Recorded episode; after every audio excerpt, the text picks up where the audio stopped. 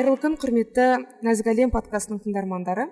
Бүгін бізде қонақта психолог консультант табиғат қаутай. Ағай қош келдіңіз. Рахмет келгеніңізге. Бірінші сұрақтардан бастамас бұрын өзіңізді біздің оқырмандарға таныстырып өтсеңіз. Ә, сәлеметсіздер ме? Баршаңызға. Ә, есім табиғат. Ә, жөнім қаутай. Ә, жалпы өзім бизнес аналитик аудитор болып жұмыс істеймін жұмыс істегенмін. Әлі істеп келе жатырмын. Соңғы жылдары осы соңғы екі үш жылдың ішінде психологияның консультациямен айналыса бастадым. Әртүрлі салада. Енді басында әрине бизнес кейстарды бизнесқа байланысты сұрақтарды консультация жасайтынмын кейін одан кейін ә, жалпы адам өзін дамыту отбасына байланысты сұрақтар деген секілді. Вот сосын ә, жалпы өзінің потенциалын қалай реализация жасайды деген сияқты өзін қалай табу деген сұрақтарға байланысты өстіп консультация жүргіземін. Сол ә, семинар өткіземін. И андай парақшам да бар инстаграмда да телеграм каналда бар жалпы өзімнің сайтымда бар. Табиғат қаутай точка kz деген. Сол қысқаша осы ә, енді сұрақтарға көше берсек бірінші сұрақ мынадай ағай. Көп бала дүниеге алып келу жайлы. Өзіңіздің пікіріңіз. Ә, мысалға әр, әр бала дүниеге келген кезде оның ата ананың жаңағыдай потенциалын ашқысы келеді. Әрбір ата ана менің ойымша ә, әрбір балаға жеке көңіл бөліп оған рухани тәрбие бергісі келеді. Бірақ мысалы көп балалы отбасыларда ол қаншалықты мүмкін? Ну бұл жерде мынандай нәрсе айту керек. Ә, мен айтатын нәрсем ә, сүннетке негізделіп негізделіп айтам. Бұл как бы мен өзім жеке ойым ғана емес. Вот бірінші айтатын нәрсе ә, көп, көп балалы болу енді жақсы әрине. Бұрын ә, бабаларымыз көп бала туған он он бес шақты қылып туған деген секілді. Бірақ ол уақытта енді бала өлімі де көп болған. Сондықтан бала көп туу маңызды. Енді ол уақытта енді жапан далада бір жұмыскер табу мүмкін емес қазіргі уақытта секілді. Сондықтан ә, егер жұмыскер керек болса жауынгер керек болса оны туып алу керек та бірақ біздің заманға келгенде енді бұндай ә, нәрсе жоқ. Қазіргі уақытта ә, аз баламен жүрген ә, тиімдірек болып көрінеді. Және де ә, дінде де мынандай нәрсе бар. Мысалы егер баланы мысалы алты ма жеті бір шарты бар. Мен енді шариғатшы емеспін бірақ алты жеті шарты бар. Ә, аз бала тууға болады деген. Точнее ә, бала тумаса да болады деген сондай. Мысалы ә, делік ә, бір елде сіздер тұрып жатқан или адамдар тұрып жатқан елде бір соғыс болып жатса ол жерде мысалы бала тумаған дұрыс. Неге? Өйткені ол бала мысалы енді жарақаттанады өліп та қалады деген секілді. Бұл бір мәселе. Екінші мәселе мысалы қаражат жағынан да мысалы қысым болатын болса ә, немесе бір басқа да бір қауіптер болатын болса жаңа туған нәрестеге ә, андай ойдан шығарып алған не емес.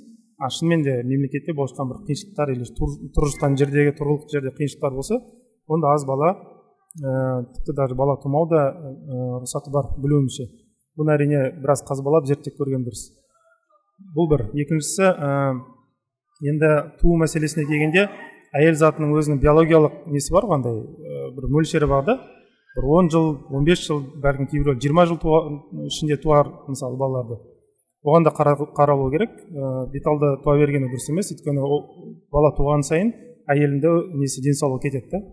Бұл екінші мәселе. Ә, енді бала туамын деп өзін жарақаттаған да бір жағынан ойлану керек та ол. Өйткені оны баланы бағу керек оған дұрыс денсаулығы мол ә, жүгіре алатын сондай еңбектене алатын сондай ата ана керек та бұл үшінші мәселе. Төртінші мәселе ә, жалпы ә, сүннет бойынша мысалы әр баланың айырмашылығы енді туу айырмашылығы үш жыл болу керек. Бірінші мысалы баланы көтереді тоғыз ай бойы одан кейін екі жыл бойы емізеді. Осы арақашықтықтың ішінде туған балаға полный толықша зейін берілу керек та внимание берілу керек. Егер бала үш жылдан кейін екінші бала мысалы үш жыл емес одан да аз уақытта келсе онда ол бірінші баланың несін алып қояды? Ә, берілу керек жаңағы ақысын жеп қояды да. Тіпті ол биологиялық тұрғыда да бар. Мысалы ә, бірінші баланы емізтіп жүрсе әйел екінші баланы көтеріп қалса онда ә, бірінші бала жаңағы аяғы ауру болған мысалы жүкті болған әйелдің уже сүтін ем алмайды екен. Ол сүтіне андай не болады? Дәмі өзгере ма бір нәрсе болады. И бірінші бала мысалы ем алмайды сондықтан бұл биологиялық жағынан да алла тағала сондай бір механизм салып қойған да бір жүйе салып қойған что ә, бірінші баланың ақысын жаңа екінші бала итеріп тастайды да. Сондай нәрсе бар. Сондықтан бұған байланысты ә, әр баланың несі арақашықтығы үш жыл болғаны дұрыс. Вот. Ә, енді қараңыздар мысалы үш жыл десек допустим әйел он бес жыл бойы туалады десек онда максимум бес бала ғана туалады да. Үш жыл ара, ара алатын болсақ мысалы төрт бес қана бала туылады сондықтан бұның да барын қарастырған дұрыс. Енді кейбіреулер айтуы мүмкін енді ризықты алла тағала береді сондықтан алда туа бер деген секілді. Бірақ ә, алла тағала ризықты береді но ризықты да ә, орнымен қолдану үшін де адамға ақыл берген сонда ақылдың да ақысын беру керек те. Сондықтан биологиялық жағдайға қарап социологиялық жағдайға қарап әлеуметтік ә, жаңағы мәдени нәрселерге қарап жағдайға қарап сөйтіп дұрыстаған дұрыс та. Және де ә, бұл жерде сан мен сапа ылғи да күреседі. Сан артқан сайын сапа түседі да ол бір қағида бұрыннан берілген. Сондықтан көп балалы болып тұрып сапасын түсіріп алған да бір жағынан дұрыс емес. Кейде болады бәлкім үш бала туар бірақ үш батыр туар. Оның орнына мысалы алты бала туар жай адам туғанша дегенше. Сондықтан лучше сондай бір тұлғалар тусын сондай бір тұлғалар дәріптеп тәрбиелесін ол мыңдаған адамға әсер ете алатын мыңдаған нәрсені істей алатын сондай бір тұлғалар керек та негізі. Чем ә, көп баланы туып алып не әрі емес не бері емес деген секілді. Мен көп балалы болмасын деп айтып тұрған жоқпын. Бірақ әркім өзінің индивидуально жеке өзінің отбасының жағдайына денсаулығына қарау керек қаражатына қарау керек деген секілді тұратын тұрғылықты жеріне соның барлығын есептеп сараптап сөйтіп нету керек. Адамға алла тағала ақыл берген. Біз жануар емеспіз сондықтан ол ақылды дұрыс тиімді қолдану керек. Бет алды ыыы қаладым тудым дей салуға болмайды. Сол. Баланың да ақысы бар. Түсінікті рахмет. Енді келесі сұрақ осымен шамалы байланысты. Мана біз айтып кеттік әр балаға жаңағыдай ата ана тарапынан белгілі бір деңгейде көңіл қаражат бөліну керек иә? Сосын бізде мысалға бір ә, сол үшін мысалы ерлі зайыптыларды баланы жоспарлау дұрыс па? Сақтану құралдарын қолданған дұрыс па? Ә, мен просто кейбір кезіктірдім ә, ол дұрыс емес деген пікір кезіктірдім да. Сол. Но ол дұрыс емес деген пікір не нәрсеге негізделеді андай бір хадис бар. Ә, мысалы еркек енді бұл біраз андай тема енді. Кіретін болсақ былай. Мысалы бір еркек жыныстық қатынасқа кірді әйелімен бірақ өзінің ұрығын әйелдің құрсағына емес сыртқа шығарса мысалы и соның өзін пайғамбар саллаллаху алейхи вассалам хадисте айтқан оның өзі бір өлім деген то есть убийство деген де өлтіру деген сөйтіп сондай бір хадис бар. Сондықтан кейбір ғалымдар иә үкім береді что ә, сыртқа ұрық шығаруға болмайды іште қалдыру керек деген секілді. Ондай нәрсе де бар. Бір. Екіншісі ә, жаңағы баланы м, болдырмау тәсілдері дегенге келген уақытта бұны шариғи жағын білмеймін енді. Но ә, білуімше олардың механизмі мысалы ол ұрық еркектің ұрығы әйелдің құрсағына кіргеннен кейін ол жаңағы маточный клетканы нетеді ұрықтандырады и жаңағы іште контрацептивтар сол клетканы сыртқа шығарып тастайды ол да бір өлім десе де болады. Сондықтан бұл жағынан қарайтын болсақ енді конечно запрет болуы мүмкін енді бұл дұрыс емес деген секілді. Бірақ бұны биологиялық тұрғыдан ә, біраз детальды түрде зерттеген дұрыс та мен білмеймін. Енді өз басым ондай пока ә, дін өкілдерін кездестірген жоқпын. Биологияны жетік білетін и маған осындай бір ә, толықтай жауап бере алатын шын айтсам бар білетінім осы. Ә, и жаңағы бірінші сұрақта да айтқанымдай бұл ә, не жағынан да қаралған дұрыс қалай десем екен әлеуметтік жағынан да қаралған дұрыс қаражат жағынан да қаралғаны дұрыс. Бұл тек қана бір келкі ғана бұл харам или халал деп кесіп тастауға өйтіп үкім шығарған дұрыс емес. Өйткені ә, әрдайым болады иә бір жағынан өте харам нәрсе бір жағынан өте халал нәрсе және де ортада жүретін нәрселер де болады. Сондықтан бұны қарау керек та зерттеп. Түсінікті. И осы жерде ә, бір нәрсе тоже осы сұраққа байланысты болып тұр. Бұрын мысалға кофе там печатная машина и микрофон радио телевидение дегендер рұқсат етілмеген екен да. Мысалға бір бес ғасыр бұрын біз меккеде отырып кофе ішсек бізді тұтқындап алып кетуі мүмкін еді. Ә, сот сот болуы мүмкін еді. Кофе себебі ол жақта рұқсат етілмеген болды. Сосын мысалы печатная машина ол да рұқсат етілмеген екен. Ә, даже осман сұлтандары ә, кім, кімнен жаңа табылса печатная машина сол адамдарды өлім жазасына кесетін болған. Одан кейін бірақ тек бір мың сегіз жүз жиырма бір мың сегіз жүз отызыншы жылдары ғана осылар рұқсат етілген екен да именно печатный машина рұқсат етілген. Ал оған дейін европада үш жүз елу жыл бойы кітаптар жаңағыдай басылып шығып жатқан. И мысалға мұсылмандар белгілі бір кітапты оқу үшін қолмен жазатын болған да қолмен жазып тарататын болған. Бұл не үшін десе не үшін рұқсат етілмеген солай не үшін сондай үкім берілді десе жаңағыдай дін бұзушылық болуы мүмкін печатная машина. Бұрын пайғамбарымыздың саллаллаху кезінде рұқсат етілмеген деген ә, деген немен жаңағыдай уәжбен үкім осылай шығарылған. И мындай сұрақ болып тұр да менде. Мысалға қазір бізде рассрочка дегендер бар ғой. Ол негізі үлкен мүмкіндіктер береді рассрочка. Ә, мысалға депозит бар. Ол да мүмкіндіктер береді. Жилстрой сбербанк ә, барлығы да. Бірақ былай қараған кезде ол ә, түптің түбі мысалы рассрочка пайызға алып келеді. Ә, біз пайызға келісіп тұрамыз тіпті біз кейін уақытылы өтейміз десек те ә, там келісім келісім болады. Сол үшін де уже бір харамға келіскендей бұл уже дұрыс емес тағы да бұл харам деп үкім ә, рұқсат етілмеген деп үкімі бар. И сізге сұрақ ә, бұрын мысалға кофелер печатный машина үкімін өзін жойды ғой. Рұқсат етілмеген еді қазір рұқсат и осындай тоже қаржылай қаржылық мәселелерде рассрочкалар болашақта халал болып кетуі мүмкін ба? Енді бұл жерде бірнеше мәселе бар. Бірінші жаңағы ә, печатный машинкаға байланысты нәрсе айтайын. Мысалы тоқсаныншы жылдары мен білуімше қазақстанға ең бірінші андай цветной принтерлар кіреді ә, рынокқа. Сол кезде әрбір цветной принтерді мысалы заң бойынша тіркеу керек болған. Оның себебі неде? Ол уақытта білесіздер бірінші теңгелер шыққан уақытта қағаз болатын. Сол теңгелерді мысалы біреу үйде отырып ана цветной принтермен алып мысалы печать жасап и сөйтіп ақша жасап алуы мүмкін да. Сондықтан ә, мемлекеттік тұрғыдан біз білмейтін көп нәрсе болады. Бәлкім ол тек қана діни жағы ғана емес ә, бәлкім жаңағы сіздер айтқан мысалы печатный машинка болсын басқа нәрселер болсын олар ә, белгілі бір бүлікке алып бару мүмкіндігі бар болса онда оны басынан бастап әрине тіркейді әрине жаңағы сақтанады әрине әртүрлі нәрселер істеледі.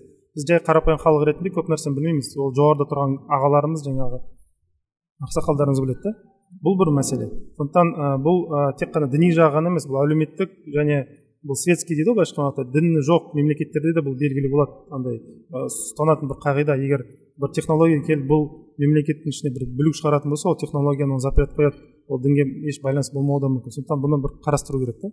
Бұл бір мәселе. Екінші мәселе ә, жалпы діндар адамдардың әлеуметтік салада немесе ғылыми салада ә, жетік болғаны дұрыс білімдерінің. Бірақ өкінішке орай қазіргі уақыттарда біздің ислам ғалымдары көптеген технологиялық нәрселерден құр қалып жатыр немесе кеш қалып жатыр да түсінуде. Ә, сондықтан ә, мысалы допустим әр адам бізде қазір инстаграм қолданады немесе фейсбук қолданады иә мысалы әлеуметтік желілер қолданады. Бұл мысалы халал ма харам ба? Ә, оның да мысалы пәтуасы қалай екен мысалы? Оны көп адам білмейді мысалы алады да қолдана береді өйткені рұқсат та енді былайша айтқан уақытта оңай. Алдында мысалы жүктеп алдың телефонға и қолдана бер деген секілді. Әртүрлі нәрселердің пәтуалары шығып үлгергенше технология өте тез дамып жатыр. Сондықтан ә, оны да жетік бізге түсіндіре алатын сондай білімді діндар сондай діни терең білімі бар сондай адамдарды да шығару тез болу керек та сол пара пар болу керек бірақ технология тезірек шығады ондай адамды білімді адамды алып шығу да тәрбиелеп шығу да ондай тез болмауы мүмкін сондықтан ә, кейде кейде емес көбіне дін кешігіп қалуы мүмкін дін өкілдері кешігуі мүмкін кейбір нәрселерді түсінуде және оның пәтуасын шығаруда бұл енді бұл человеческий фактор дейді ғой былайша адами фактор болғандықтан бұл жерде бұл дінмен байланысы жоқ ол просто адам үлгермей жатыр мәселесі болуы мүмкін. Бұл екінші мәселе. Енді рассрочкаға келетін болсақ ә, мысалы мынандай нәрсе бар. Исламда мынандай қағида бар.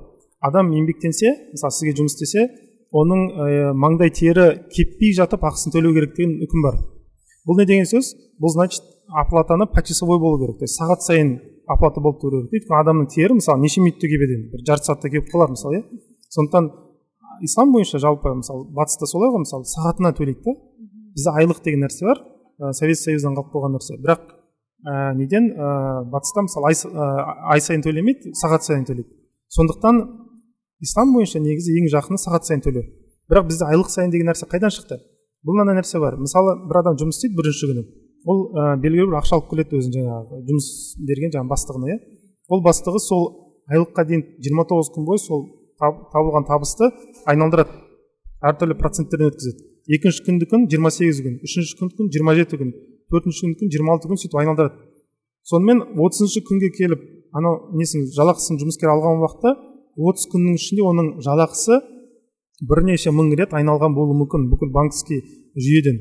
Бірақ бұны жұмыскер білмейді да сондықтан ә, бұл рассрочкасыз ақ та жалпы заработный плата дейді ғой былайша айлық жүйесінің өзі негізі исламға қайшы келеді негізі түп мағынасында. Өйткені ол ақша банкте бірнеше айналымнан өтеді. Депозит та сондай нәрсе мысалы сіз депозит саласыз ол депозит өзі тұра бермейді ол банктар алады да оны әртүрлі айналым әртүрлі айналымдардан өткізеді. Сондықтан бұны да білген дұрыс.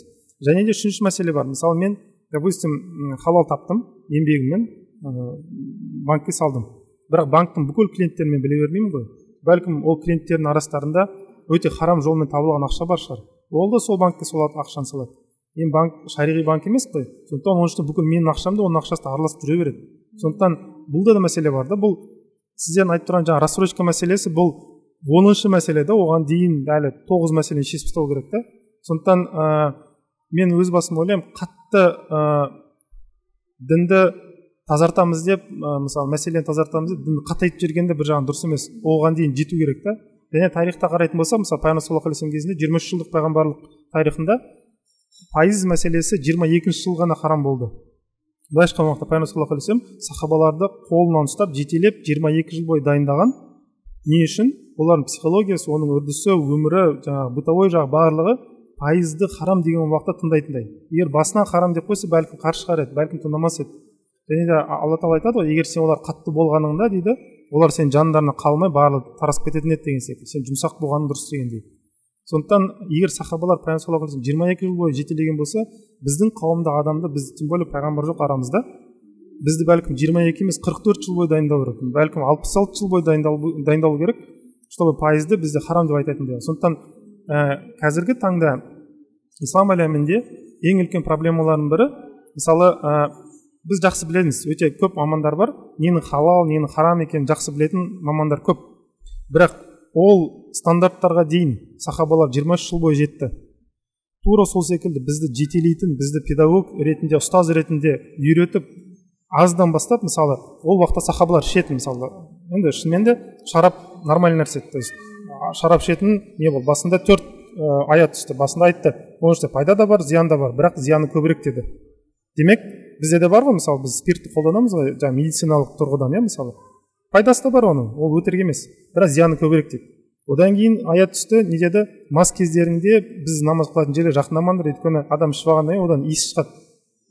Ә, несі андай мінезі өзгереді деген секілді дөрекілік жасайды деген сияқты үшіншіде айтқан мас кездерінде намаз қылмаңдар деген. То есть уже біртіндеп біртіндеп үйретіп келе жатыр өйткені адам мас адам андай құранды айта алмайды ғой тілі байланады тағы бір нәрсе деген.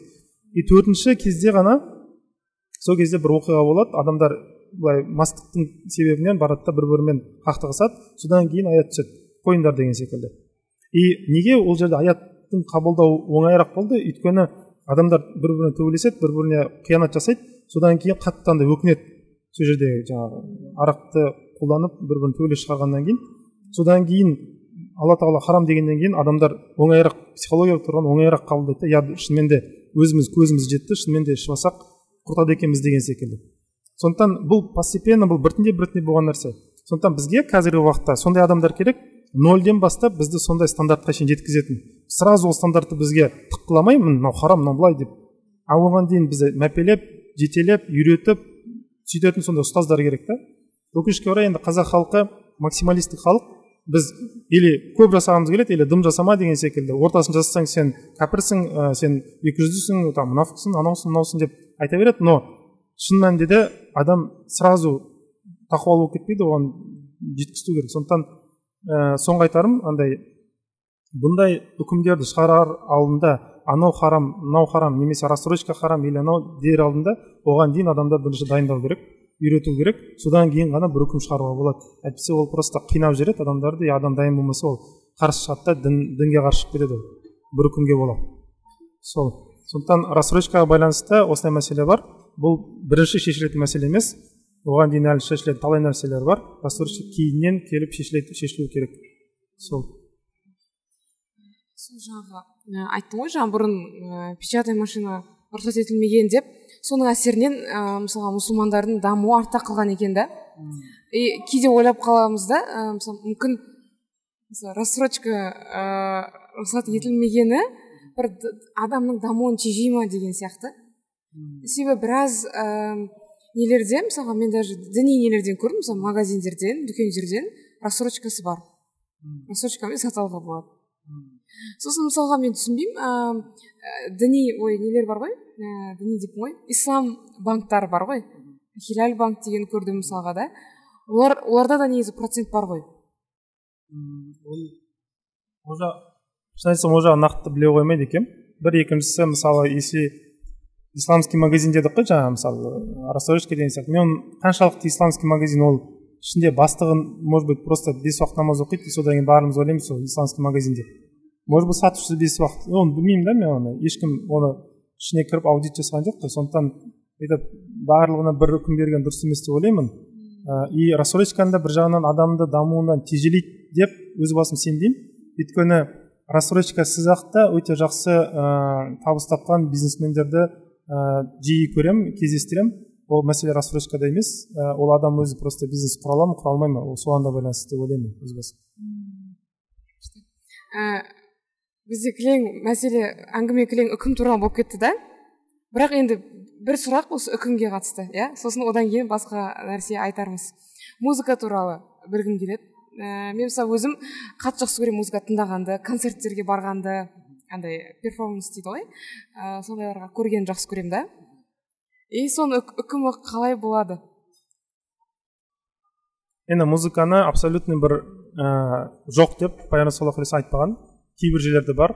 Мысалы қыз балалардың жаңағы ә, өлең айтып немесе бір барабан ба бір нәрсемен бір аспапты бір қолданып неткеніне мысалы рұқсат берген. Сондықтан бұны шын айтсам мен енді пәтуа беріп жатқан емеспін. Ә, бұл бір мәселе. Екіншісі мынандай нәрсені ә, мысалы менің кейбір достарым бар. Темекі тартады. Ә, мен білемін ол темекі тартқан дұрыс емес екенін ол не то что діндар адам жай адамның өзі біледі ғой темекі дұрыс емес екенін ол дін сияқты белгілі нәрсе. Сасып тұрады деген секілді ол адам денсаулығын жейді деген сияқты көп нәрсесі бар бірақ ә, мен досым бар мысалы темекі тартады ә, оған мен мысалы бетіне бассам ей сен темекі тартасың кетші ары деп ә, ол да сол менің сол қылығыма бола бүкіл дінді жек көріп кетсе вот неге барған уақытта мен де сосын сұрамаймын ба? неге жеркендірдің деген секілді. Ә, бұл өте маңызды нәрсе да мысалы бір пайғамбардың алейхисаламның оқиғасы болады. Бір кісіні қонаққа шақырғысы келеді бірақ шақырмайды мен бүкіл деталін білмеймін енді сосын ана кісі айтады да сен мен а алла тағала айтады да жаңағы пайғамбар алейхисаламға неге шақырмадың дейді ол айтады осыған иман етпеді ғой дейді мен оны қырық жыл бойы ризқын беріп келе жатырмын дейді да иман етпегеніне қарамастан дейді и жаңа пайғамбар алейхисалам шақырады шақырғаннан кейін ана адам айтады сен мені басында шақырғың келген жоқ неге шақырғың келді неге шақырдың дейді да болса да болса алла тағала айтты дейді мен оған қырық жыл бойы ризқын бергенмін ә, бет қақпаған дейді. Сондықтан сен де бетін қақпа дегендей солай істедім дейді да. Сол кезде ана кісі айтады егер мен раббым дейді мен жаратушым мен туралы сондай қырық жыл бойы мен сабыр етіп жаңағы неткен болса ә, мейірім төгіп тұрған болса мен қырсықтығыма жаңағы имансыздығыма қарамастан онда мен бұл жерде жаңағы ля иляха иллах деп жаңағы иман етемін дейді иман етеді сол кезде. Сондықтан мен ә, сахабаларда тоже сондай нәрсе. Или басқа адамдар көп қой адамдар мысалы түрмеге түскеннен кейін немесе қылмыс жасағаннан кейін бір зорлық зомбылық жасағаннан кейін иманға келетін адамдар көп қой. Бұл тарихта болып тұрған нәрсе. Сондықтан мен қазір алып біреудің маңдайынан сен музыка харам деп періп қалып оны сосын барып діннен алыстатып жіберсем кейін мен өте қиын жағдайда болуым мүмкін ол сол жағын мен көбірек ойлаймын. Бір екіншісі ә, музыкадан бұрын ә, харам деп ә, белгіленетін заттар өте көп. Ол музыка. Бірінші ә, харам болу керек именно музыкадан бастайық деген нәрсе де жоқ та. Музыка может быть жиырма отызыншы үкім шығар. Оған дейін істелетін әлі талай нәрсе бар. Мысалы адам жай даже көшеде кетіп барады мысалы қақырып түкіретін болса. Иә мысалы бірақ музыка тыңдамаймын ол харам деп нететін болса ол қаншалықты әдемі болады. Может быть оған музыка ә, тыңда, ә, музыка туралы үкім айтар алдында оны қақырып түкірмеуді үйрету керек шығар может быть. Сондықтан бұны ойластыру керек те енді. Ә, мен андай нәрсені радикальный подходты ұнатпаймын. Кесіп тастау мыналар біздікі мынау біздікі емес мынау анау түсінеді түсінбейді мынау андай мындай үкім беріп мынау андай екі жүзді екен мынау мындай екен деп бір бояу жағып тастап деген секілді ол дұрыс емес та. Бірақ андай нәрселер бар. Ә, ақиқатты айту керек. Қай жерлерде егер адам тым қатты кететін болса ә, басқаларды езетін болса ол кезде айтылу керек. Мынандай мынандай нәрсе мысалы езген дұрыс емес. Ә, бұл ә, әр нәрсенің өзінің орны бар деген секілді. Адамға бір шекара берген дұрыс та. Бірақ дінге келген уақытта бір үкіммен бәрін түзетіп тастаймын бүйтіп тастаймын деген ол, ол жағы дұрыс емес. Және де мынандай нәрсе де бар. Алланың әмірін алланың өзін тану бар әмірін тану бар. Біз көбіне қазақтар әмірін тыңдауға тырысамыз да бірінші. Вот харам екен халал екен алланың өзін бірінші танысайыншы ол не дейді екен кітабы не дейді екен ә, сен дұғаларына қалай жауап береді екен оның алдында сен қандай екенсің алланы өзің таны егер сүйсең одан кейін оның әмірін тыңдау оңай болады да. Ал алланы сүймей жатып андай харам екен деп сразу неткен ол дұрыс нәрсе деп ойламаймын. Ел харам деп айтты деп әр нәрсені безген ол да әлеуметтік салада жалпы біртүрлі да ол адамды елді бөледі ондай нәрсе. Ол дұрыс нәрсе деп ойламаймын. И ең соңында жеңіледі тек қана өзіміздің қазақ қана болады ә, бұл нәрсе дұрыс емес деп ойлаймын өз басым сондықтан абай болу керек. Үкімге бергенде немесе біздікі біздікі емес анау андай мынау мындай деп ярлык дейді ғой шаблонный мышление дейді ғой. Бүйтіп біреуге бір бояу таққан дұрыс, дұрыс нәрсе деп ойламаймын өз басым. Сол. Түсінікті жауабыңыз келесі сұрақ мындай болса выгорание туралы болса ә, бұл нәрсе неден болады және қалай ә, қайтадан қалыпқа келе аламыз? Жұмыстағы мысалға выгорание. Немесе адамның өзінің жұмыстан тыс выгораниесі болады ғой солар?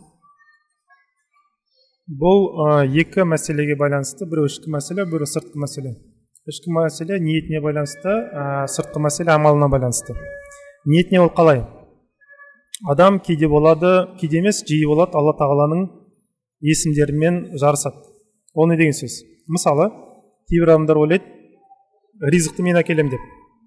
Таңертең кешке шейін жұмыс істейді еңбектенеді бала шағама ризықты мен әкелемін менің арқамда дейді да алланың ризақ деген есімі бар ризықтандырушы сонымен жарысады. Все от меня зависит деген секілді. Содан кейін перегорание болады. То есть кейде болады адам көп жұмыс істеуі мүмкін бірақ алла тағала ризықты аз береді. Аз жұмыс істеуі мүмкін ақымақтау даже болуы мүмкін бірақ алла тағала ризық көп береді. Бұл алланың өзінің үкімі. Вот. Сондықтан ә, алланың ризық ризақ деген есімімен жарысқан дұрыс емес. Немесе алланың малик деген есімі бар үкім беруші. Соттаушы деген секілді иә мысалы судья дейді ғой. Ыыы онымен де жарысатын адамдар болады мысалы.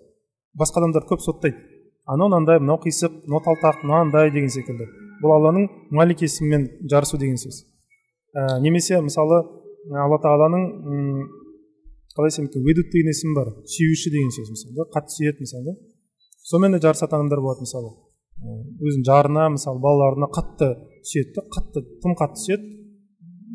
Сені құдаймен құдайға қарағанда мен көбірек сүйемін деген секілді мәңгі сенімен бірге боламын мен сені мәңгі сүйіп өтемін. Киноларды көрсетеді ғой романтизация жасап шахватты ром, романтикалық неге айналдыруға тырысады да? Вот я без тебя не могу бұл мәңгілік бұл өлдік біттік күйдік біттік деген ондай нәрсе жоқ. Өмірде ажырасатын адамдар да болады мысалы қосылатын адамдар да болады. Оны өліп талып күйіп кеткен дұрыс емес та бірақ өкінішке орай жастардың көбісі енді романтиканы жақсы көргендіктен ондай нәрсені елемейді. И алланың өдет деген есімімен жарысады да мысалы.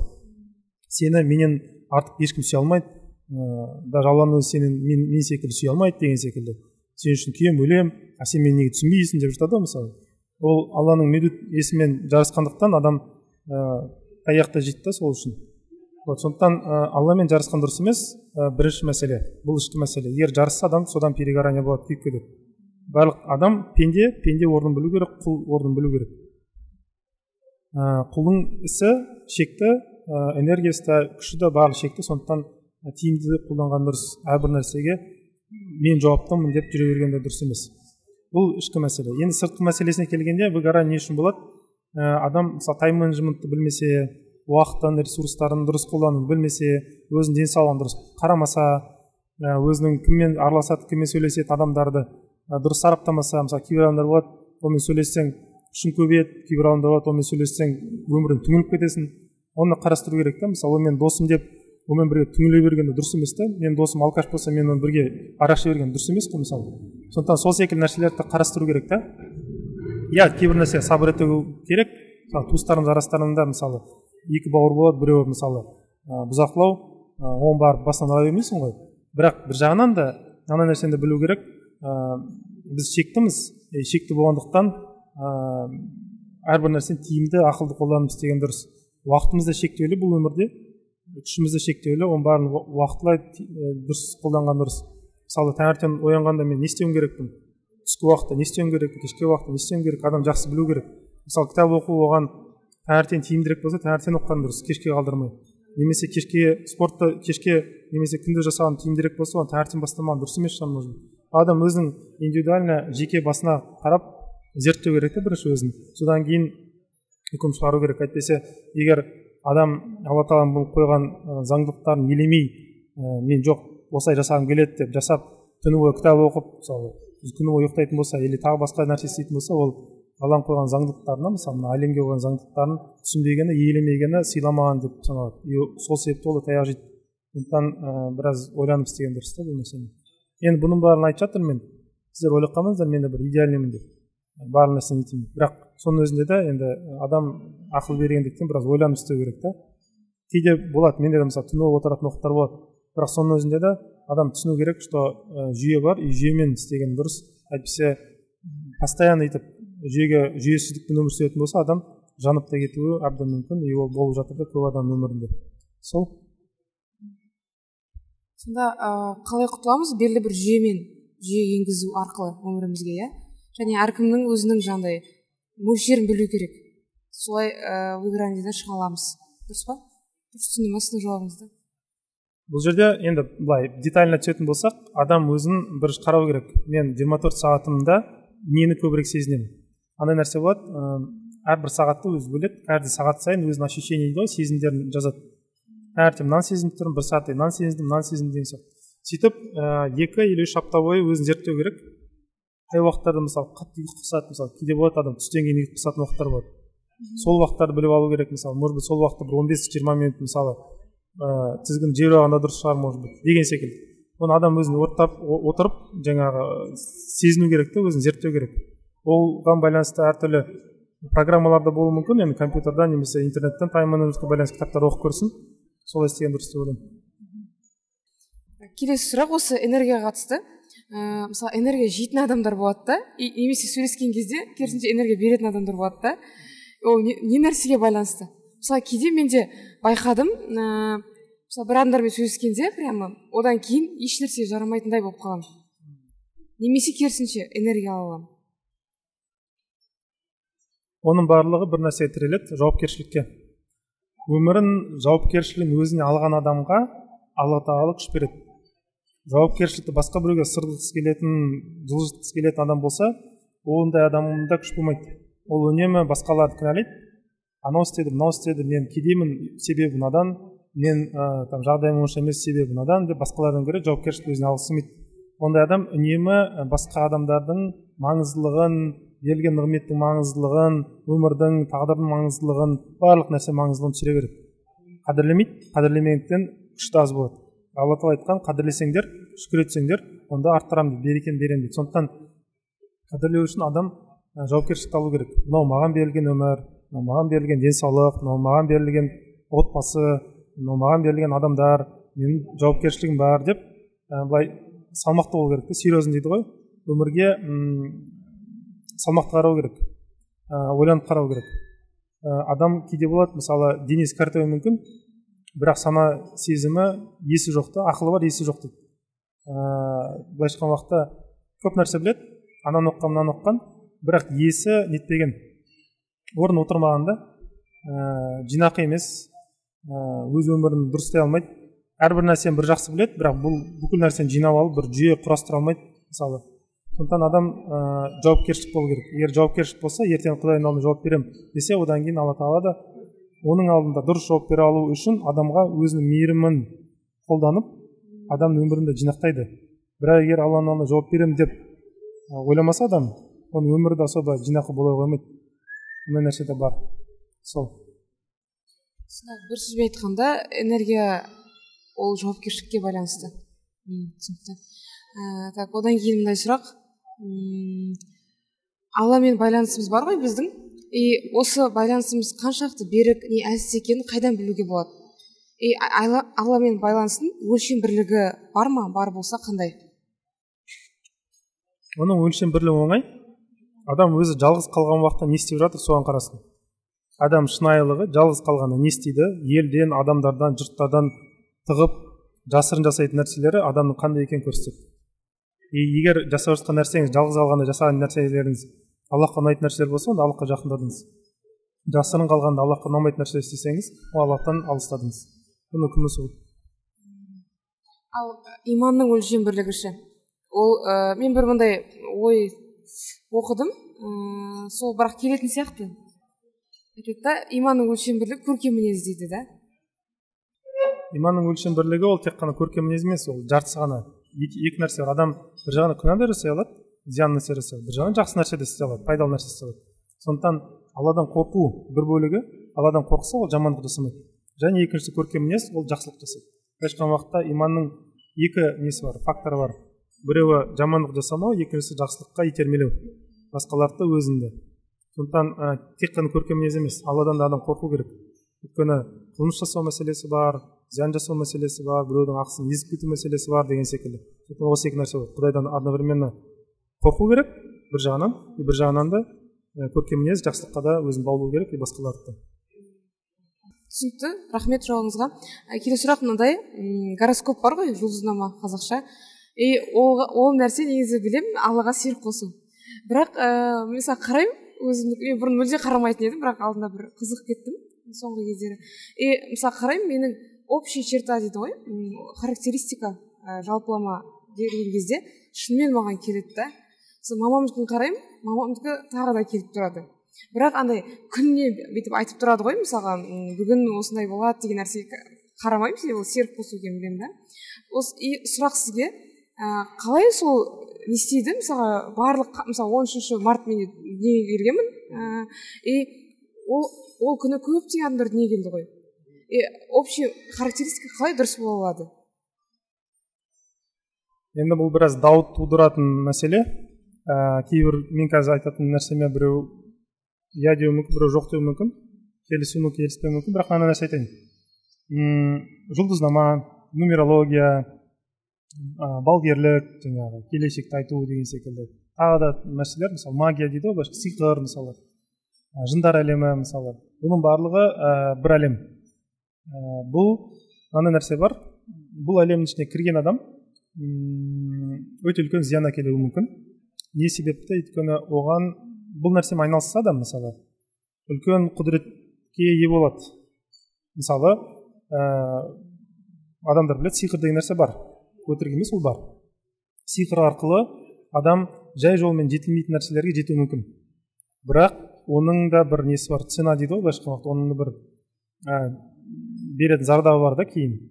И пайғамбар саллаллаху туған түні үлкен не болады? Звездопад дейді ғой үлкен ә, жұлдыздардан жаңағы жауын болады да. Неге? Өйткені сол түні ә, бұрын жындар әлемі мен періштелер әлемінің ортасына андай перде болмайтын. И ә, жындар барып жаңағы періштелерден мағлұмат ұрлайтын да адамдарға барып айтатын келешекке байланысты кейбір нәрселерді и адамдар сол информацияны қолданады да басқа адамдардың түстерінен мен көп білемін мен тәуіппін мен анаумын мынаумын медиуммын деп жаңағы саяси басқа да күштерді алу мақсатында қолданатын. Басқа адамдар әсер ете алу үшін енді адам қорқады ғой егер сіз оған оның келешегін дәлме дәл айтып берсеңіз мысалы иә ол адам сізден қорқа бастайды ол сізге бағына бастайды деген секілді. Сондықтан сиқырдың өзінің адамға беретін үлкен күші бар. И ол күшті әр адам көтере алмайды. Егер бір ә, ішінде кегі бар адамға күш беріп қойсаңыз мысалы ол барады да қырып жібереді. Сол секілді ә, сиқыр мәселесі ә, сол пайғамбар туған түннен бастап шектелген. Бірақ ә, мүлдем жойылып кетті деген нәрсе жоқ. Өйткені сиқыршылар біздің заманда да бар. И ә, гороскоп болсын нумерология болсын бұл сол сиқыр әлемінің бір бөліктері бір элементтер десе де болады. Егер бұның ішіне адам қатты зерттеп кіріп кететін болса кейін шығуы екіталай. Екіталай. Неге? Өйткені ә, адамға күш берсеңіз ол күштен адам бас тартқысы келмейді. Қайтадан өзінің қарапайым қалпына кіргісі келмейді. Және де аллахқа неге серік қоса бастайды? Ол аллахқа серік қосқан уақытта мен сиқырға қол жеткен адам кейін былай айта бастайды. Мен құдайсыз ақ та жете аламын ғой деген секілді. Ол мүлдем иманнан шығып кетеді да былайша айтқан уақытта сиқырды алады бірақ иман иман береді да то есть иманымен ә, сауда жасайды да. Сиқырды алады бір күшті алады бір дүниелік бір нәрсеге жетемін деп бір лауазымға бір нәрсеге жетемін деп алады. Бірақ оның қарсылығы ретінде өзі иман беріп қояды да. Сондықтан бұл нәрсе өте харам болып саналады. Үлкен күнәлардың іштеріне кіреді. Бұл нәрсемен айналысқан дұрыс емес.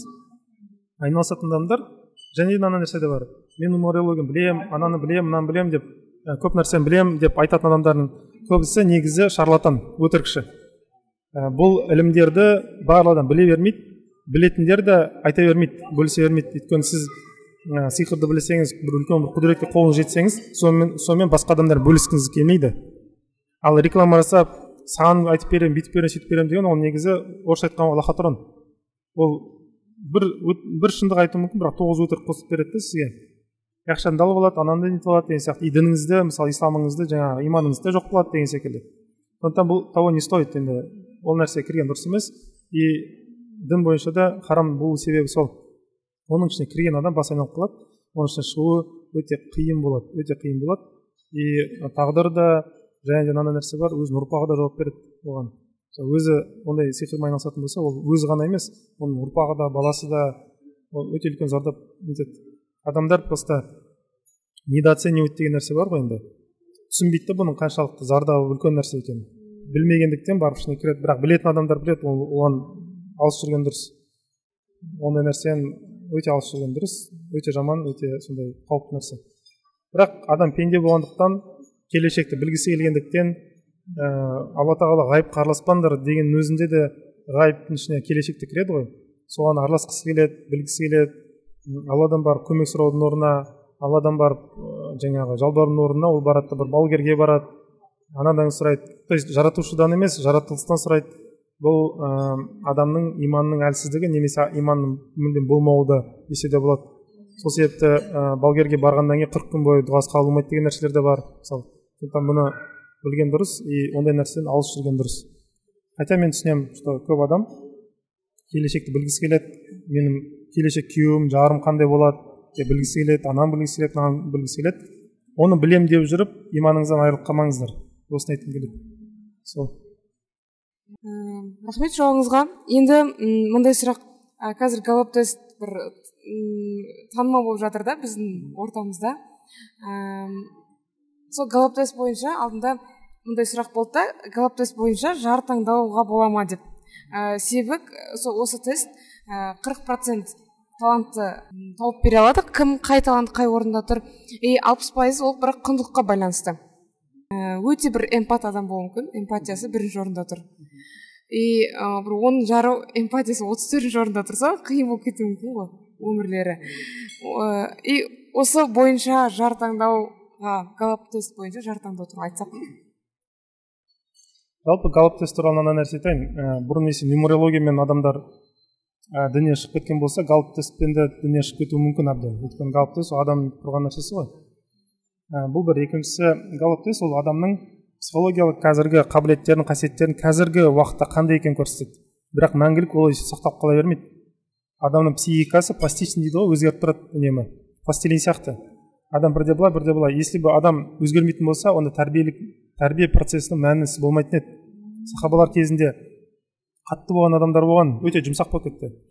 Кезінде өте жұмсақ болған адамдар өте строгий болып кетті қатты болып кетті қатал болып кетті. То есть бұл адам өзгереді. Сондықтан галоптес ол бүкіл келешегіңізді белгілемейді ол сол уақытта қандай болдыңыз соны белгілейді. И өзгереді. Сондықтан галоптесті иман еткен дұрыс емес. Бұл бір мәселе. Екіншісі жар таңдауға келген уақытта адам өзінің ішінде ұйықтап жатқан ә, қабілет қасиеттер болуы мүмкін. Бұлар жақсы қабілеттер де болады жаман қабілеттер де болады. Бұлар бір оқиға келген уақытта басына бір күн туған уақытта көрінеді. Мысалы соғысқа бара жатқан уақытта өте күшті сондай батыл жігіттер қатысады да мысалы допустим иә соғыс кезінде. Қалай аталарымыз бабаларымыз айтты ғой. Бірақ атакаға кірген уақытта мысалы қорыққаннан мысалы окоптың ішінен шықпай қояды. А кейде болады мысалы жай бір әлсіз бір жігіт болады. Атака басталған уақытта арыстан, арыстан секілді күркірейді да мысалы. Сондықтан бұл жағдайға байланысты кімнің қандай екенін жағдайда білінеді оқиғада білінеді да. А так сөзге келгенде барлығы не? Сол секілді галып тест сондай нәрсе. Ол адам жай отырып айтуы мүмкін жауаптарға жауап ну сұрақтарға жауап беруі мүмкін. Бірақ шынымен де ситуация келіп қалған уақытта сондай бола ма? Оны бір алла біледі. Оны ешкім білмейді да.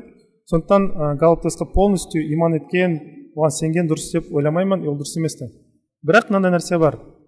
Егер вообще ешқандай бір метод жоқ инструмент жоқ құрал жоқ болып тұрса галоп тест сәл болса да сәл болса да келешек жаңағы таңдаған жарыңыздың бір қандай адам екенін сәл ғана бір көрсетуге сондай несі бар енді мүмкіншілігі бар. Бірақ абсолютно толықтай полностью ә, адамды сипаттайды деген нәрсе ондай нәрсе жоқ. А эмпатияға байланысты енді мынандай нәрсе бар. Иә эмпатия ә, екі адам қосылғанда қиыншылық тудыратын нәрселердің бірі. Мысалы высокоэмпативный адам дейді эмпатиясы өте жоғары адамдар.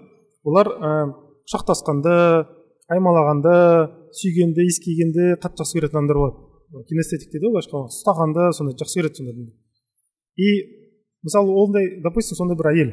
И вообще суық бір еркектер болады. Сонымен қосылды мысалы. Анау әйел еркекке мысалы жетпіс процент махаббатын береді да отыз процент өзіне қалдырады энергиясын. А еркек мысалы елу процент береді елу процент өзінде қалдырады. И ана әйел сосын барып тұншығуы мүмкін. жиырма процент көбірек бергендіктен анау маған аз берді деген секілді мынау мені не до конца любит соңына шейін сүймейді деп. Бірақ олай емес ол өзінің табиғаты сондай өзінің. Ол елу береді елу қалдырады деген секілді. Ол бала тәрбиесінде де сондай болады басқалармен де сондай болады. Ол адам өзі сондай ол туа біткен сондай бала кезінен алған тәрбиесі оны сіз өзгертіп тастай алмайсыз. Тура сіз секілді мысалы құшақтаса беретін сондай адам болады деген нәрсе де жоқ та. Сондықтан эмпатиясы өте жоғары адамдар иә олар тұншығады олар қарым қатынасқа келгенде тұншығады барлығының артынан жүгіреді барлық нәрсені подарокты күшті береді не береді. Бірақ оған берген подарок онша болмайды.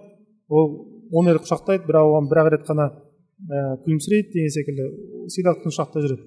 Бірақ слишком үлкен эмпатиясы бар. Екі адамды қосылғанда тоже дұрыс емес. Олардікі андай тоже трагедия болады. Анауынан көп құшақтайды мынауынан құшақ то есть бұл жерде андай гарантия жоқ. И эмпатиясы өте аз адамдардың да қосылуы да тоже бір жағынан дұрыс емес. Өйткені андай екеуі де үндемейді. Ешқандай особо страсть та жоқ деген секілді. Сондықтан ә, бұл жерде адам бір нәрсені түсіну керек. Мен қалай сүйемін? Тура солай мені де сүйеді деген нәрсе жоқ. Соны түсінгені дұрыс. И соған байланысты әрекет еткені дұрыс. И бұл дүние фәни бұл дүние өткінші. Сіз жарыңызды супер сүюі мүмкінсіз бірақ ол да солай жауап береді деген нәрсе де жоқ. Ә, жауап бере алмауы да мүмкін. Может быть ол вообще шаршап жүрген де шығар может денсаулығы жоқ шығар біз просто сіз оған қарамайсыз да. Или ол балаңызға қарап жүр сіз өзіңізше махаббат іздеп жүрсіз әлі есеймей мысалы. Олай да болуы мүмкін. Сондықтан эмпатияға келгенде иә ондай нәрсе бар проблема бар. Ә, енді бір нәрсені аламын деп басқа нәрсені бас тарту бұл өмірдің бір заңдылығы. Сондықтан егер супер бір романтика махаббат күтсеңіз оны алу мүмкінсіз. Бірақ балаңызға қарамайтын бір әйел болуы мүмкін. Или күйеу болуы мүмкін. Или же ә, үйдің тазалығына қарамауы мүмкін. Неге? Өйткені сізге күшті қарайды бірақ тазалыққа қарауға күші жоқ. Кейбіреулер болады тазалыққа күшті қарайды бірақ сізге қарауға күші жоқ. Бұл жерде бір компромисс мәселесі болу керек. Сізге нең маңыздырақ? Бір нәрсе аламын деп барлық нәрсе аламын деген нәрсе жоқ. Бір нәрсені аласыз басқа нәрсені бас тура келеді. Бұл өмірдің бір заңдылығы. Сонымен галап тест сәл де болса егер ешқандай мүмкіндік болмаса таңдауға иә тануға имею тануға көмектесуі мүмкін. Бірақ жүз пайыз сенім жоқ. Бір неде? Ютубта бір күшті видеоңыз бар. Осы жар таңдауға қатысты. Сол жақта бөлгенсіз ғой мысалға ер адамдар өзі өздерін танып алу керек. Үш түрлі мысалы қыздар үш түрлі болуы мүмкін. Мысалға бірінші фатима ой хадиша радиаллаху секілді бизнесмендер айша радиаллаху секілді ілім соңында жүргендер және фатима радиаллаху секілді үй ханымдары иә. Осыларды мысалға ер адам қайдан біледі ол? Маған сондай адам керек екен деген тақырыпты немесе қыз балалар қай жақтан білсе болады мысалға вот маған осындай адам керек екен дегенді қалай жар таңдау ғой сұрақ. Ну енді бұл жерде біраз креативный подход керек енді творческий подход ыыы жағдайдан жағдайға бөлінеді өзгереді бұрын мысалы енді былай вообще тарихта қалай болған тарихта былай мысалы бұрын ақсақалдар істейтін барлық нәрсені ақсақалдар қарайды мынау қыздың икемін қарайды мына жігіттің икемін қарайды бір біріне келе ма содан кейін таныстырады содан кейін таныстырғаннан кейін адам нәпсі бар ғой адам еркек әйел әйел еркекті нәпсімен сүйеді жүрегімен емес мысалы ә, хадистерде ол белгілі нәпсімен сүйеді деген. Ә, бізде өкінішке орай батыстың киноларының музыкасын романтикасын көріп біз ойлаймыз мен жүрегіммен сені жоқ олай емес. Жүрек аллахпен алланың зікір етсе тынышталады деген нәрсе бар. Жүрек аллахқа ғана берілген нәрсе. Әйел еркек еркек әйелді нәпсімен ғана сүйеді тек қана нәпсімен ғана сүйеді қалай мысалы жануарлар бір бірлерімен мысалы жыныстық қатынасқа кіреді ненің арқасында нәпстердің арқасында. Сол секілді адамда сондай нәрсе. Просто біз психологиялық тұрғыдан бұны романтизировать етіп жібергенбіз. Бір святой бір күшті бір нәрсе деп жіберген жоқ олай емес. Бұл бір ә, тарихта бірінші ақсақалдар қараған екеуімен келсе екеуін таныстырған. Неге бұл маңызды? Егер ақсақалдардан бұрын бір біріне танысып қойса бір бірін ұнатып қояды. Нәпсі тартады ғой. Ұнатып қойғандықтан кейін қабылдайтын шешімдер субъективті болады да қате болып қояды. Бір біріне вообще келіспейді бірақ сол кезде шоқ жанды бүйтті сөйтті басым айналды дейді қосылып қояды. Бірақ кейін бала туғаннан кейін мына шоқтың барлығы өшкеннен кейін бұның барлығы өшеді. Өшкеннен кейін бір бірін жек, көре бастайды. Бала үшін бір бірін шыдай бастайды бір бірін нете бастайды енді балағаттай бастайды қинай бастайды да. Сондықтан бірінші ақсақалдар істеген. Бірақ қазіргі уақытта әлеуметтік желіде бір бірін тауып алады да шок көтерілді химия болды көзіне қарадым мынау менің адамым деп өз өзіне придумывать етіп алады бір нәрселер. Сосын қуып кетеді. Ондай мәселе бар. Мысалы неге мысалы қозы көрпеш баян сұлу секілді мысалы эпостар бізде өте маңызды өте тарихымызда тараған. Негізінде негізінде ақсақалдарсыз бір бірін таныған ситуациялар сирек кездескен. Сол себепті бұл ә, анда санда ғана болған нәрсе де ол. Екі жастың бір бірін сүйіп қалуы мысалы иә. Бұрын адамдар қазақ халқы дана болғандықтан более прагматично неткен жүйелі түрде қосқан адамдарды. Неге өйткені енді степте жапан далада бір жалғыз өзіңіз өмір сүріп көріңіз өте қиын нәрсе. Ажырасқан әйел қайда барады мысалы бала шаға қайда қалады мысалы? Сондықтан бұны қазақ халқы заранее дейді ғой былайша алдын ала көп жылдарға бұрын бір жүйелі түрде өмір сүргенде сондықтан даналық содан пайда болған бізде. Қазіргі таңда психологтар қатты керек болатын себебі пландамаймыз дұрыс дұрыс жүйе өмір сүрмейміз. Алла тағала таныса салады бірге бола салады содан кейін быт болады. Бұрын жүйелі түрде болған и ажырасулар да ондай көп болмаған. А қазір екінің бірі ажыраса береді уже настолько нормальный нәрсе болып кетті что уже ақылды айта алмайсың. Өйткені айтады жоқ болды бұл менің адамым емес оказывается мен қателестім анау мынау деген сияқты ну конечно қателесті өйткені нәпсімен жақындады да ол. Сол сондықтан жаңа бізде қозы көрпеш секілді басқа да эпостардың үлкен бір тарихта қалатын себебі өйткені ол сирек болған нәрсе. И оны үлкен қылып көрсетті бізге. Хотя оның ішінде бір ақ нәрсе ғана бар шахват қана бар. Просто анау мынаның нәпсін қалады мынау мынаның нәпсін қалады. Оның ішінде үлкен бір не жоқ. И ең соңында не істейді трагедиямен бітеді да ананы көре, көре алмайды мынау барып өлтіреді деген секілді. Сондықтан ә, если бы егер егер бұл оқиға мысалы жастардың бір бірлерімен танысуы ә, ақсақалдарсыз ақ жиі болып тұрған болса бұндай эпостар бұндай әңгімелер бұндай пьесалар бізде супер тарихта қалмаса бұл нормальный бір явление болатын еді. Ешкім бұған қатты мән бермесе бұл сирек болып тұрғандықтан қатты мән берді адамдар. Мәссаған оказывается ондай да болады екен деген секілді. Өзі сирек нәрсе өзі не болады ондай? Айдағаны бес ешкі ысқырығы жер жарады дейді сол секілді нәрсе да ол. Слишком хайп та былайша айтқан уақытта. Үлкен реклама болып кеткен да анда санда болған нәрсе болғандықтан үлкен реклама болып кеткен. А так негізінде көбіне қазақ халқы жүйелі даналы халық болғандықтан дұрыс өмір сүрген ақсақалдармен істеген. Вот сондай нәрсе бар. Сондықтан ә, романтизация жасаған дұрыс емес. Екі жастың ақылсыз ақылдаспай барып бір бірін сразу көріп алып шоқ жанды бүйтті сөйтті деген ол просто шахват ол нәпсі и ол просто гормон.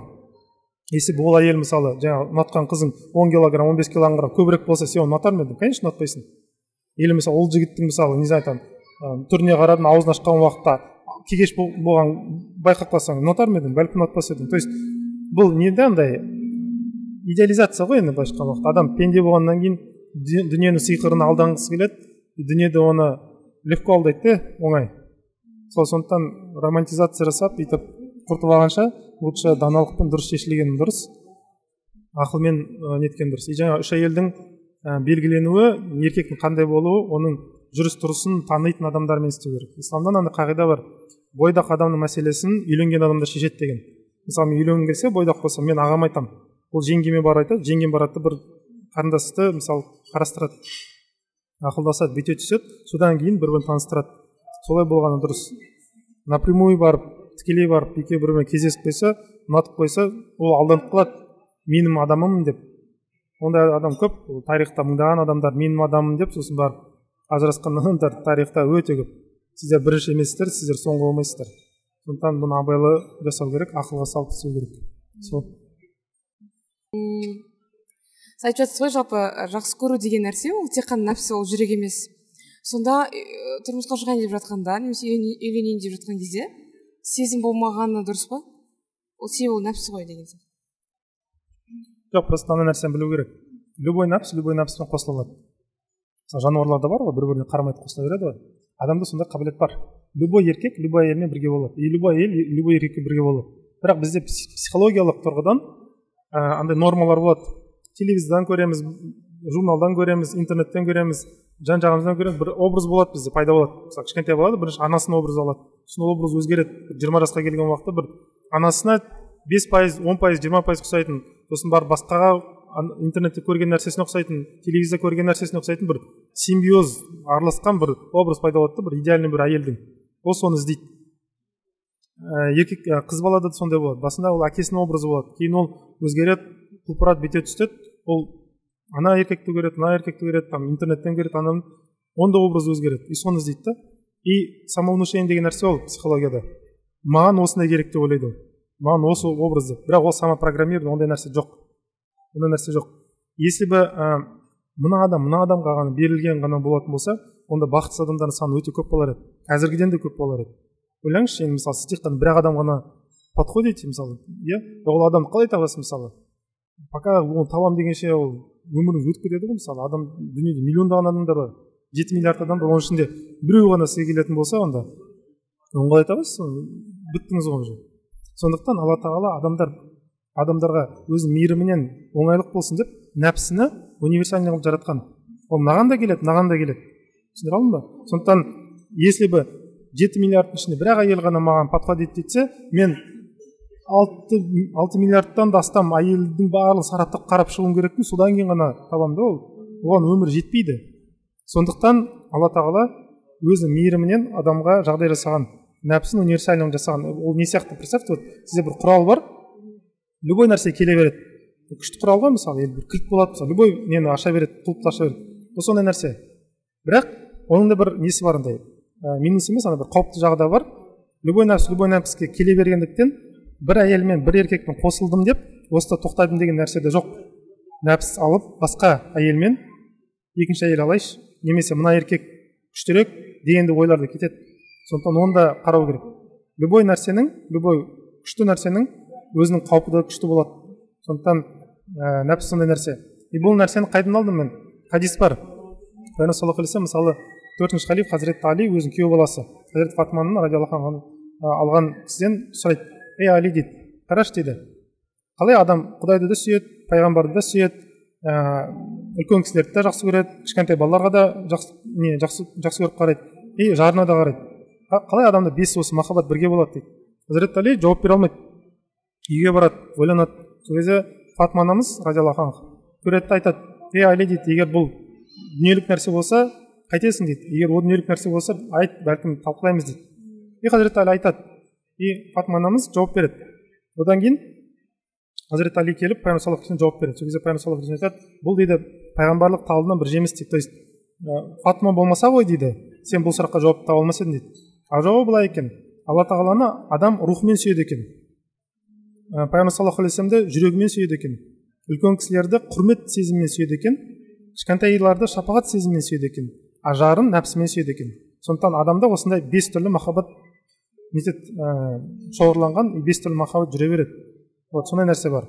Сондықтан ә, батыстың мына романтизациясының кесірінен біз ойлаймыз ә, өлдім біттім онсыз өмір сүре алмаймын деген секілді. Адам сабырсыз.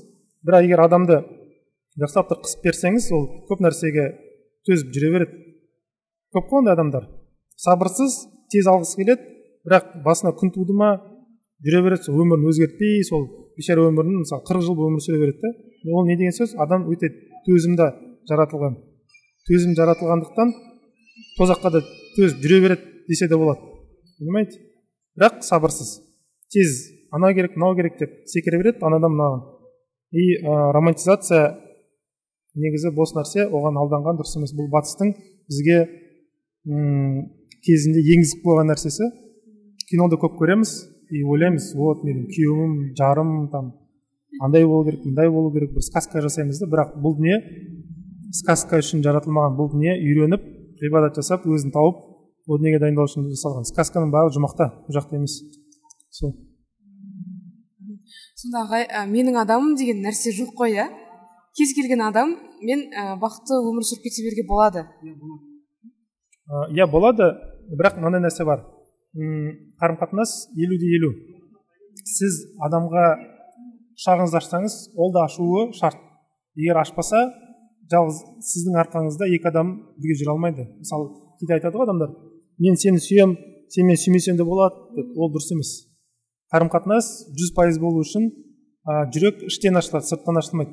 То есть жүрек деген уақытта ішкі әлем адамның болмысы көңілі іштен ашылады. Сондықтан егер адам сізді сүймесе сізге бір қадам жасамаса ол не бесполезно то есть ондай нәрсені уже неткен. Тозып кетесіз. Сіз просто қазір ойлайсыз андай жастық шақтың күшімен адам ойлайды ой менің махаббатым екеумізге де жетеді артылады жоқ. Мен гарантия бере аламын екі үш жылдан кейін өшіп қаласыздар. Особенно бала туғаннан кейін тем более өшіп қаласыздар. Уже махаббат бітіп қалады уже. Ол обычно бытовой нәрсе. Обычный ыдыс жуу кір жуу соның барлығы жеп қояды бүкіл махаббатыңыз бітіп қалады сонымен. Бір адамның ішкі киімін жүз рет жуғаннан кейін ол көреміз махаббатыңыз қала ма қалмай ма? Или ыдысын жуғаннан кейін тамағын бергеннен кейін күнде күнде соны қайта қайта жасай жасай жасай жасай махаббатыңызда не қалатынын бір көресіздер. Көп қой ондай жеңгелеріміз шаршап кеткен ыыы жезделеріміз көп қой ондай жұмыстан қажып кеткен мысалы. Ол көп ондай адамдар. Оны ә, романтизация жасап менің адамымын деп ондай не стоит ондай жасауға.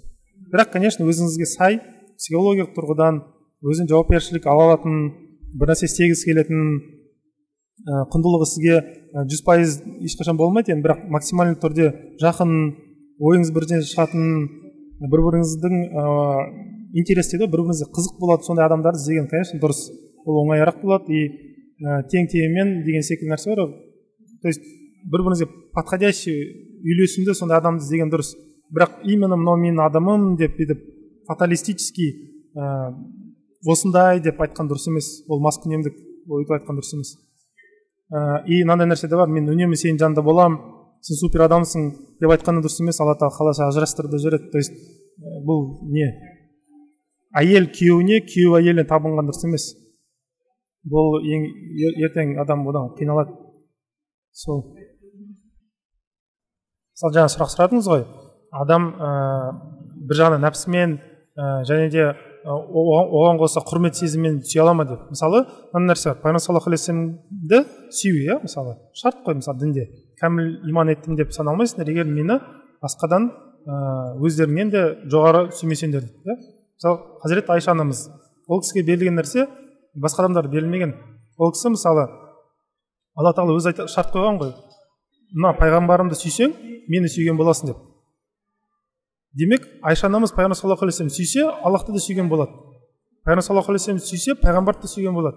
Пайғамбар саллаллаху алейхи вассалам сүйсе күйеуін де сүйген болады. Пайғамбар саллаллаху алейхи вассалам сүйсе ұстазын сүйген де болады деген секілді. Түсінесіз былайша айтқан уақытта бес махаббатының бір жерде болуы айша анамызға берілген үлкен нығметтердің бірі. Мен мысалы ә, допустим бір әйел күйеуін сүюі мүмкін бірақ күйеуі иман етпесе нәпсі ол басқа жаққа кетіп қалды. Түсінесіз сондықтан ә, айша анамызға берілген нәрсе енді өте күшті нәрсе ол. Ол вообще супер нәрсе. Енді бұл әр әйелге берілетін нәрсе емес. Олай болуы мүмкін. Иә күйеуіңізді сүю мүмкінсіз нәпсі жағынан. Ну и одновременно құрметтеуін де мүмкінсіз. Егер ол ол кісіні сыйлайтындай адам болса ол ол нұр үстіне нұр. Екі махаббат одновременно болады бір адамға деген. Түсінікті мен бір кітап редакциялап жатқан едім да. Сол жақта бір жолды өзіме жазып алған едім. Былай дейді да айша анамыз ол жарын жақсы көрген кезде рухани және материалдық тұрғыда тәуелсіз болып пайғамбарымыз жарына жақындады дейді да. Түсіндіңіз и мен тек қана айша анамыз емес секілді бұл жерде жалпы кез келген жары өзіне тек қана рухани және материалдық тұрғыда байланбаған кезде ғана күйеуіне жақындайтын сияқты иә. Ең таза махаббат ол қиналмай сүйген махаббат. Мысалы алла тағала қинап сіздерді сәжде еттіруі мүмкін бірақ сіз өзіңіз добровольно болып оны сүйсеңіз ол вообще лучший нәрсе. Өйткені қиналғанда ғана құдайын іздейтін адам ол үнемі қиналып тұру керек та құдайын іздеу үшін. Сондықтан ә, қиналмай барып сүйсе қиналмай барып түсінсе қиналмай барып жақсы көрсе ол вообще күшті нәрсе. Ол адам самостоятельный дейді ғой былайша айтқан уақытта жауапкершілік алып самостоятельно барып сүйгені. Ол өте күшті нәрсе. Ондай адам сізден қашып кетпейді ол адам сізді ешқашан лақтырып кетпейді тастап кетпейді. Неге? Өйткені ол өзі келіп нетті да күштегендіктен емес. Мысалы кейде болады күйеу мен әйел қосылады балалар үшін өмір сүреді да. жиырма отыз жылдан кейін сосын ажырасады. Неге? Балалар есейді кетті уже бір бірін көргісі келмейді күйеу мен әйел. Ол күштеп ұсталған нәрсе да. Сондықтан адам өзі қалағаннан болу керек та. Күштеп сүю деген мысалға тек қана қиналған кезде іздеу қиналған кезде ол күштеп болып кетеді иә? Аха. Ал мысалға мұңды бөлісу деген нәрсе ше? Дертлесу дерттесу. Мұңды бөлісу деген нәрсе бар әрине бірақ ә, мұңды бөлісу андай как бы сказать қинағандықтан болмау керек. Ол сенім болғандықтан болу керек доверие болғандықтан. Мен бұған сенемін. Сондықтан мұңды бөлісемін мысалы мен аллахқа жаратушыма сенемін сондықтан мен мұңды бөлісемін да сондай нәрсе болу керек та. Сол. Добровольно болу керек. Все түсінікті рахмет көп көп. Андай сұрақ қойғым келіп тұр да. Одан да жақсы деген нәрсе всегда кезігуі мүмкін. Ол психология тұрғыдан адам ә, бір нәрсе түсінбейді. Мынандай нәрсе бар. Адам м ешқашан тоймайды. Адам тойымсыз. Бұны бір түсінген дұрыс. Ә, неге бұл маңызды? Алла тағала адам жаратқанда енді адам шекті ғой. Бірақ алла тағала адам ішіне шексіздіктің бір элементін қойған бір ә, сипатын қойған ол тойымсыздық қойған. Не үшін? Алла тағала жаратқан нәрсесін үнемі сұрап тұрсын деп үнемі дұға айтып тұрсын деп. Егер дұға етпесеңдер не маңыздылықтарың бар деген нәрсе бар ғой. Алла тағала былайша айтқан уақытта өзіне сондай бір құлды жаратқан не жаратып тұрса да не нығмет беріп тұрса да шүкір етіп тұратын оның үстіне тағы сұрап тұратын сұрап тұратын тоймайтын сондай біреу жаратқысы келген. Сондықтан адам солай жаратқан. Мысалы періштелер жындар әлемі жануарлар әлемі оның бәрі шекті. Бірақ адам ғана тойымсыз. Бүгін бір нәрсені жаратады алла тағала. Оны жейді оны қолданады сосын тағы бар ма дейді. Үнемі аш аш беру керек та алла тағалаға? Неге өйткені алла тағала жарата бергісі келеді? Ананы жаратқысы келеді мынаны жаратқысы келеді шексіз жұмақты көрсеткісі келеді көп нәрсені жаратқысы келеді. Өйткені алла тағала халық деген есімі бар то есть жаратушы деген. Ол есім үнемі жаратып тұрғысы келеді. Бір рет жараттым болды тоқтағысы келмейді. Жаратқысы келеді жаратқысы мейірім мысалы рахман есімі бар мейірімді болғысы келеді. Сондықтан мейіріміне мұқтаж біреу жаратқысы келеді. Сондықтан адамды мұқтаж қалыпта жаратқан. Немесе алла тағала алим деген есім бар. Ғылымы шексіз мысалы. Үнемі постоянно үйренгісі келетін ізденетін сондай бір жаратылысты жаратқысы келген. Сондықтан адамға сондай нәрсені береді тойымсыз берген. Ілімге де адам тойымсыз.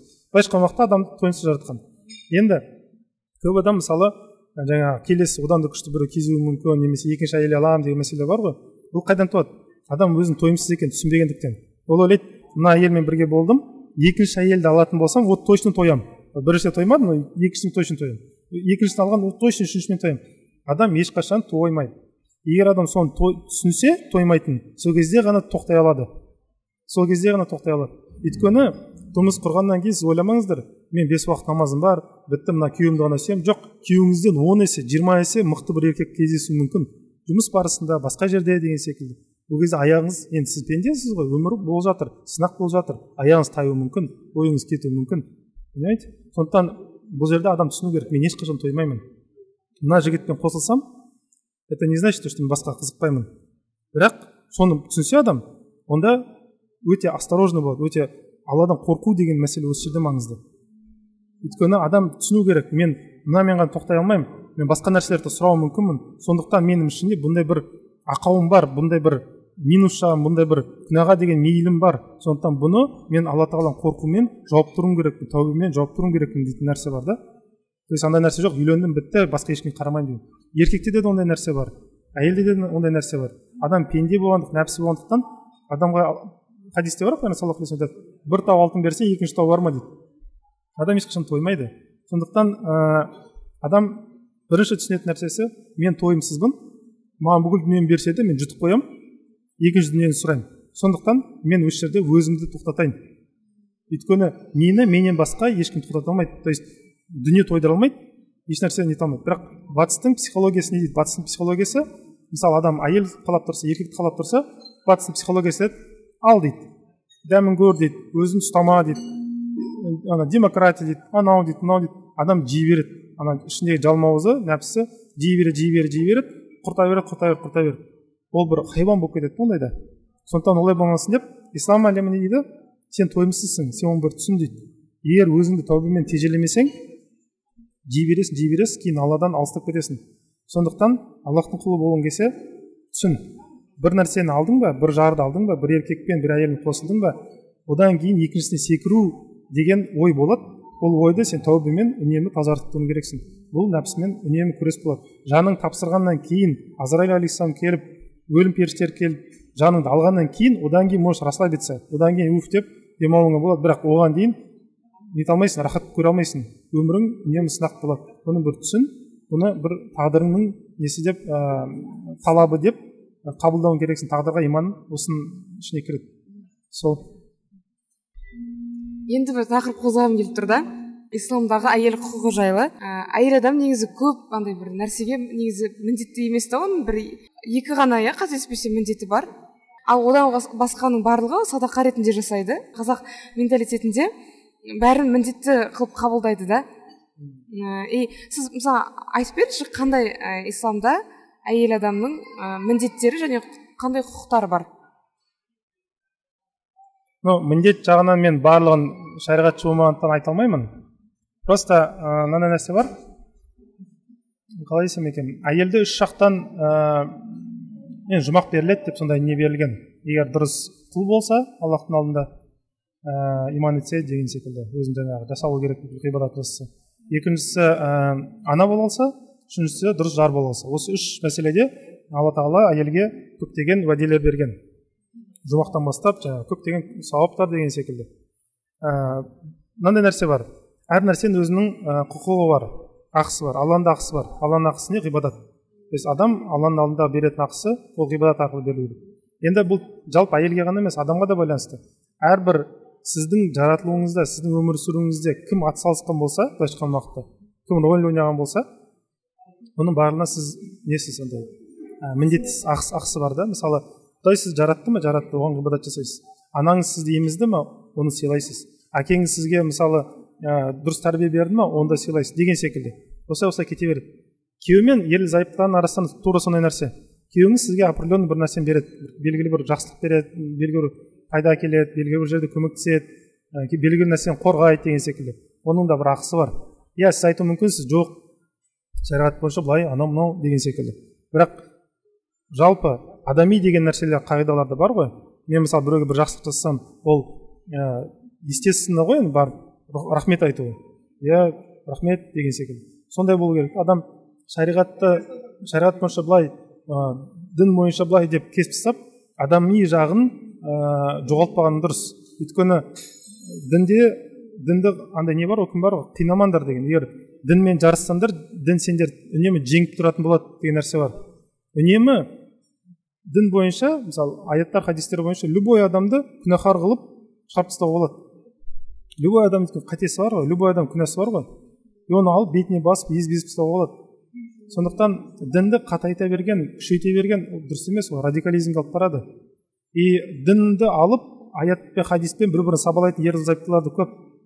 Әйел алады да ей сен мынандайсың шариғатта былай емес қой дейді пайғамбар саллаллаху былай жасаған жоқ қой дейді бір ұрады күйеуі тұрады е сен мені тыңдауың керексің ертең сен жауап беремін дейді да аят пен хадиспен ол да бір ұрады дінді өйтіп ойыншық қылған дұрыс емес бір бірін бүйтіп сабалаған дұрыс емес адамда ақыл бар адамда көңіл бар адамда сезім бар барлығын сараптап келіп қарау керек та сол ә, және де мынандай нәрсе бар м әрдайым бір үкім шығарамын десеңіздер бір нәрсе келісемін десеңіздер специалисттер болады эксперттер болады.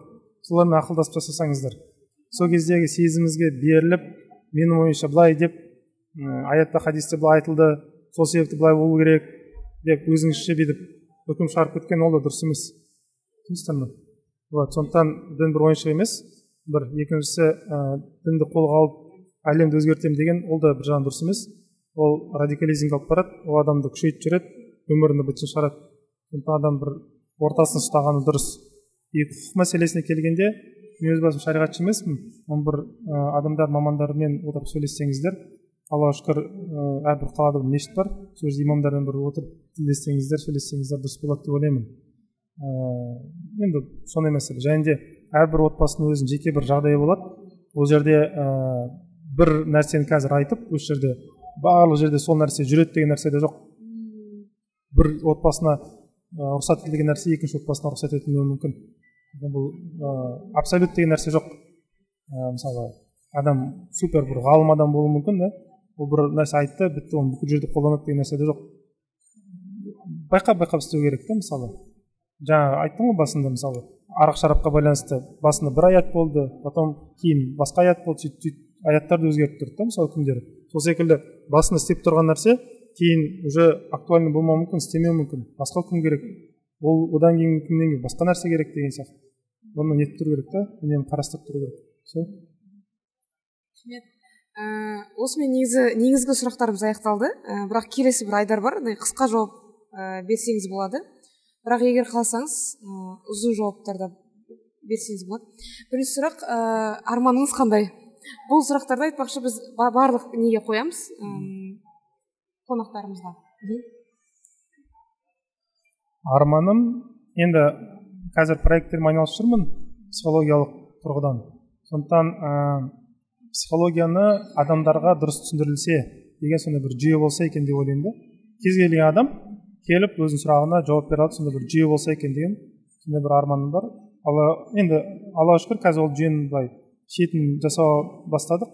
Алла бір нәтиже болады деген сондай үмітім бар. Рахмет арманыңыз орындалсын екінші сұрақ қыз балаларға қандай кітап оқуға кеңес бересіз?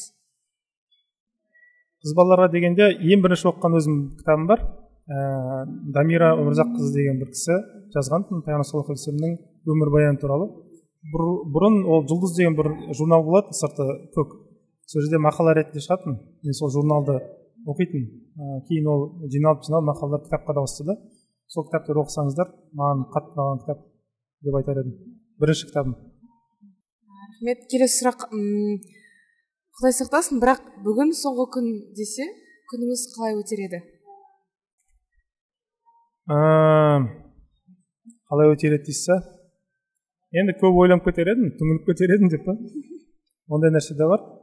Ә, бір жағынан иә әрине андай үкім бар ғой. Соңғы күніңдей соңғы намазыңдай сөйтіп өмір сүр деген секілді. Бірақ бір жағынан да бүйтіп ойласам қатты түңіліп кетемін деп ойлаймын.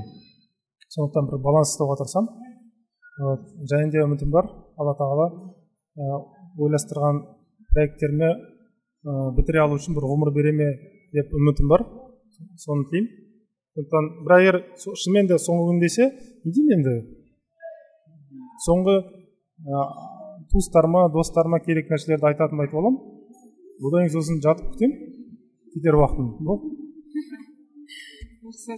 Ә, келесі сұрақ. Әлемде жеті миллиард адам бар ғой. И барлығында барлығының телефонына бір уақытта бірдей бір хат келеді делік. Ол хатты жіберетін сізсіз. Қандай хатты жіберер едіңіз барлығына? Ә... қандай хат дейсіздер ма?